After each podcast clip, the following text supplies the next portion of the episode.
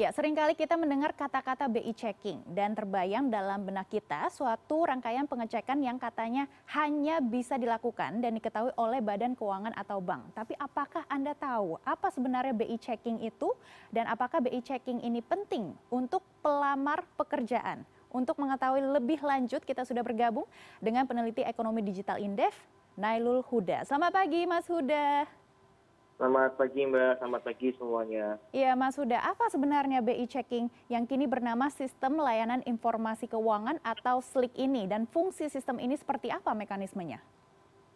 Ya, kalau kita mengacu kepada beberapa ini ya, literatur memang SLIK ataupun BI Checking ini dia bisa sebagai penilaian ya, penilaian masyarakat untuk dapat mengambil layanan keuangan gitu. Misalkan kita ingin mengambil kredit bermotor nih, nah ini kita lakukan scoring EDI kita gitu. Jadi scoring kredit kita berapa gitu, apakah lancar atau tidak lancar. Nah ini biasanya dulu kita pakai BI checking, sekarang itu melalui klik atau sistem layanan informasi keuangan yang sekarang berada di otoritas jasa keuangan.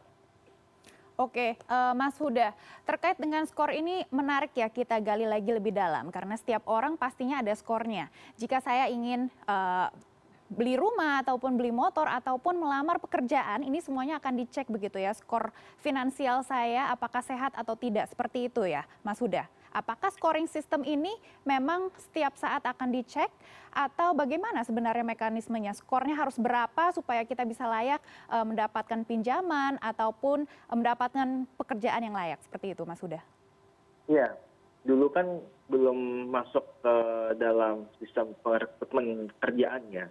Dulu cuman slik ini digunakan untuk mengukur ini orang akan membayar kemampuan membayar seperti apa gitu kan. Nah ini biasanya mereka kalau sudah pernah meminjam ke lembaga keuangan biasanya ada scoringnya tuh mbak. Jadi scoringnya nanti bisa satu sampai lima biasanya.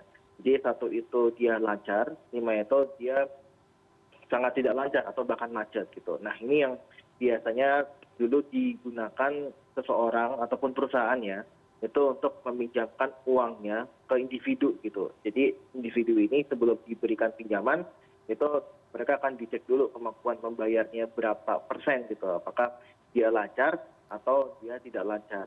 Nah saat ini memang yang berkembang adalah klik ini akan digunakan untuk menilai apakah dia layak untuk mendapatkan pekerjaan atau tidak. Karena digitnya gini mbak. Kalau misalkan orang ini dia sering meminjam dan terus dia tidak bayar gitu kan itu akan mempengaruhi produktivitas tentunya. Ketika ini meminjam terus kemudian sering telat dan sebagainya itu mereka pasti ketika kerja akan istilahnya itu akan ada ya mesti akan ada tidak semangat kemudian dia tidak produktif dan sebagainya. Nah ini menurut saya itu satu satu kemajuan ya. Ketika perusahaan itu dia melihat juga klik ataupun bi checkingnya dari seorang pelamar gitu karena jujur kalau misalkan ia terlilit utang dan sebagainya itu akan mengganggu produktivitas dan bisa mengganggu juga produktivitas dari perusahaan itu. Baik, jadi ini scoring sistemnya adalah 1 sampai 5, satu ini ternilai lancar seperti itu ya dan 5 adalah buruk. Jadi harus cepat bayar hutang Anda. Nah, apakah uh, kami bisa mengecek skor slik di platform ataupun situs uh, supaya kita bisa mengetahui dan juga memverifikasi nilai skor uh, slik ini sendiri? Iya, Mbak. Jadi mungkin ini otoritas jasa keuangan yang bisa menjawab ya. Tapi kalau tahu saya ada beberapa dari biro data ya. Biro data itu yang dia menyediakan cek skor kredit secara online gitu. Jadi kita tinggal membuat dari perindo kalau dari perindo itu kita tinggal pevindo sorry pevindo itu kita tinggal membuat akun terus kemudian kita bisa mengecek uh, ID score kita berapa gitu. Nah ini yang biasanya digunakan ya kita untuk mengajukan kredit gitu. Nah bahkan kalau di Eropa sana itu kita bisa cek mbak. Jadi sebelum kita mau membeli barang gitu kan kita bisa cek skor kita terus kemudian dalam beberapa aplikasi itu bisa kita diarahkan oh kita ternyata pinjamnya di aplikasi A aja gitu atau aplikasi B gitu itu ada di luar negeri sana tapi kalau di dalam negeri karena memang masih terbatas izinnya yang setahu saya itu masih Pevindo ya di Biro Kredit itu saya sih ya mesti akan harusnya lebih luas lagi layanan untuk mengecek kredit skor kita. Baik, uh, Mas Huda, uh, tadi Anda sudah menyebut kredit skor. Nah, pinjol, ini pinjaman online juga sering menjadi pelarian orang yang gagal bayar tagihan di platform lainnya. Apakah Slik juga menjadi pelengkap data kredit scoring pinjol? Ya, jadi gini Mbak, memang kalau kita lihat sering kali kan Slik ini kan masih dari untuk sifatnya reward transaksi perbankan bukan riwayat transaksi pinjaman online gitu kan. Nah, sering kali yang kita temukan bahwa ya orang semakin di sini kan juga semakin banyak yang meminjam uh, pinjol gitu kan, atau pinjaman online. Itu yang legal ya tentu saja yang bisa diakses ya. Nah, ini ada banyak kasus di mana memang kasus gagal bayar di pinjol itu semakin tinggi gitu. Maka memang sudah seharusnya ini jadi kekhawatiran dari ya otoritas jasa keuangan atau OJK dalam hal ini dalam menentukan kredit scoring seseorang. Jadi bukan hanya dari sisi pembayaran riwayat transaksi perbankan saja, tapi dari pinjol juga harus dilihat. Nah ini kan juga biasanya kan kayak gini mbak, ada orang yang dia kredit scoringnya tanpa pinjol itu bagus gitu kan. Nah tapi ketika itu dia juga pinjam di pinjol dan dia sering bayar plat bayar dipinjol gitu kan. Artinya itu jadi potensi gagal bayar juga kan ketika itu diberikan kredit oleh jasa keuangan gitu. Nah ini yang menurut saya itu bisa digunakan juga untuk pinjol ini masuk dalam klik agar itu lebih komprehensif eh, kali gitu kan. Nah yang kedua catatan saya adalah juga seharusnya untuk pinjaman online itu juga bisa menggunakan slik gitu. Nah selama ini kan pinjaman online ini kan dia menggunakan data alternatif ya, di mana itu ada beberapa data untuk mengukur kemampuan bayar seseorang di pinjaman online gitu. Nah ketika pinjaman online dimasukkan slik bisa jadi seperti ini mbak, orang yang dia gagal bayar di kartu kredit atau gagal bayar di tunggakan kendaraan bermotor dan sebagainya, itu mereka larinya biasanya ke ini ke pinjol gitu. Nah, ketika pinjol ini juga sangat kuat, tentu kita berharap ekosistem dari jasa keuangan di Indonesia itu semakin bagus. Karena kita nggak ngomongin satu-satu nih, nggak ngomongin kredit perbankan, nggak ngomongin kredit pinjol, tapi kita ngomongin semuanya, ekosistem semuanya gitu. Nah, makanya kita dorong juga untuk pinjaman online juga bisa menggunakan data slik. Selain data slik ini juga memasukkan data pinjol. Baik, seharusnya ini semua sistem dan data diintegrasikan supaya datanya lebih lengkap, begitu ya Mas Huda. Nah ini ya. ada yang viral di Twitter, gagal mendapatkan pekerjaan. Dan dalam cuitan tersebut dijelaskan mereka tidak lolos melamar kerja karena kelimanya memiliki skor kredit kolektibilitas 5 atau macet yang tadi kita sudah jelaskan ya. Nah eh, bagaimana Anda melihat sistem penilaian ini? Apakah penilaian ini tepat untuk menilai semua pelamar pekerjaan? Iya mbak, pada dasarnya seperti ini.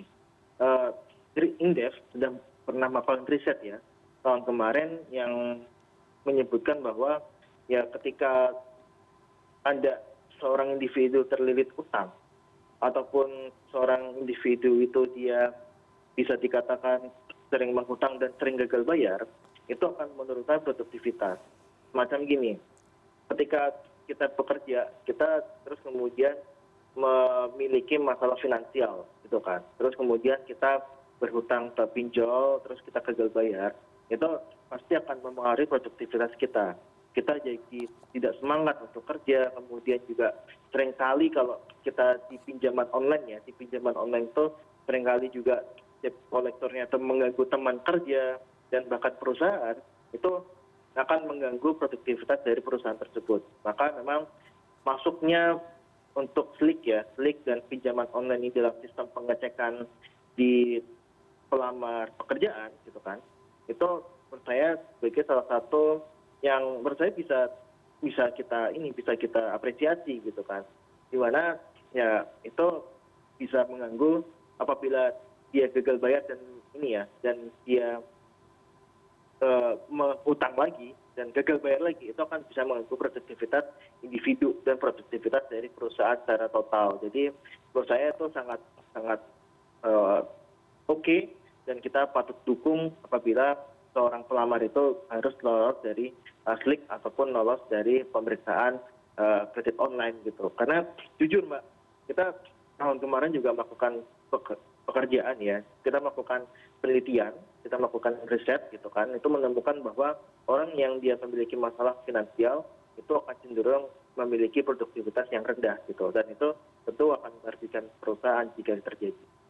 Uh, baik, uh, Mas Huda, ini saya juga uh, jadi pengen tahu uh, hasil penelitiannya rata-rata fresh graduate itu skornya kira-kira di berapa, Mas Huda? Waduh, Apakah bisa dibocorkan ini? Kredit itu, ya, kredit itu uh, tidak kita dapatkan, mbak, karena kan itu kan basisnya kan dari Pevindo ya, Pevindo kredit birunya ya kan.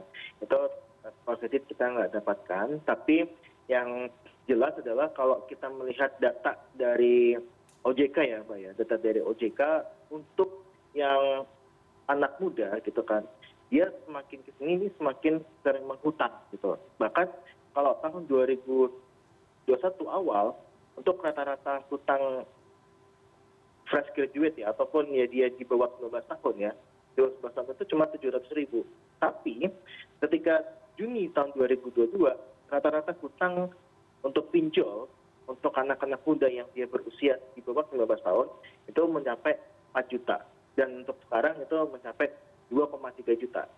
Nah padahal untuk pemuda Indonesia itu rata-rata gajinya itu cuma dua juta satu delapan sampai dua juta. Artinya apa? Artinya adalah ya semakin sini ternyata yang muda ini yang semakin berhutang gitu kan. Dan lebih resikonya lagi kalau kita lihat data dari OJK itu untuk yang gagal bayar di usia 19 tahun ke bawah ya itu semakin tinggi gitu. Artinya mereka yang muda yang dia sering berhutang dan juga sering gagal bayar gitu. Nah ini yang kita khawatirkan itu ya bisa merusak ekosistem gitu. Makanya dan itu juga menurut saya juga perlu juga kita pembatasan untuk uh, umur gitu kan. Bahwa ya ini di bawah 19 tahun itu kan berarti kan untuk SMA gitu kan. Mungkin mereka belinya yang konsumtif. Dan kita lihat data di OJK juga untuk yang pinjol itu ternyata dia kredit konsumtifnya sudah sampai 60% dari total kredit yang dipinjamkan dipinjol. Nah, artinya jadi ini mereka ini uh, pinjaman online ataupun paylater dan sebagainya untuk membeli barang-barang konsumsi. Ya kan kayak semacam mungkin foto album dari artis Korea dan sebagainya yang itu itu harganya tidak murah gitu kan. Dan mereka rata-rata menggunakan pinjol gitu kan untuk membeli barang-barang tersebut. Ini berbahaya, Pak. Karena mereka jujur belum memiliki pendapatan yang mapan untuk bisa membayar di pinjaman online gitu dan ini yang menurut sih sebenarnya juga harus dilihat dari data OJK ya itu OJK harus melihat juga ada kecenderungan yang muda ini yang berhutang dan yang gagal bayar. Baik, jangan sampai gagal bayar. Semuanya hati-hati karena sekarang memang slik datanya ini makin lengkap, makin diintegrasikan dan gampang untuk semua pihak untuk mengeceknya. Terima kasih Mas Huda sudah bergabung bersama kami di CNN Indonesia Bisnis dan Referensi.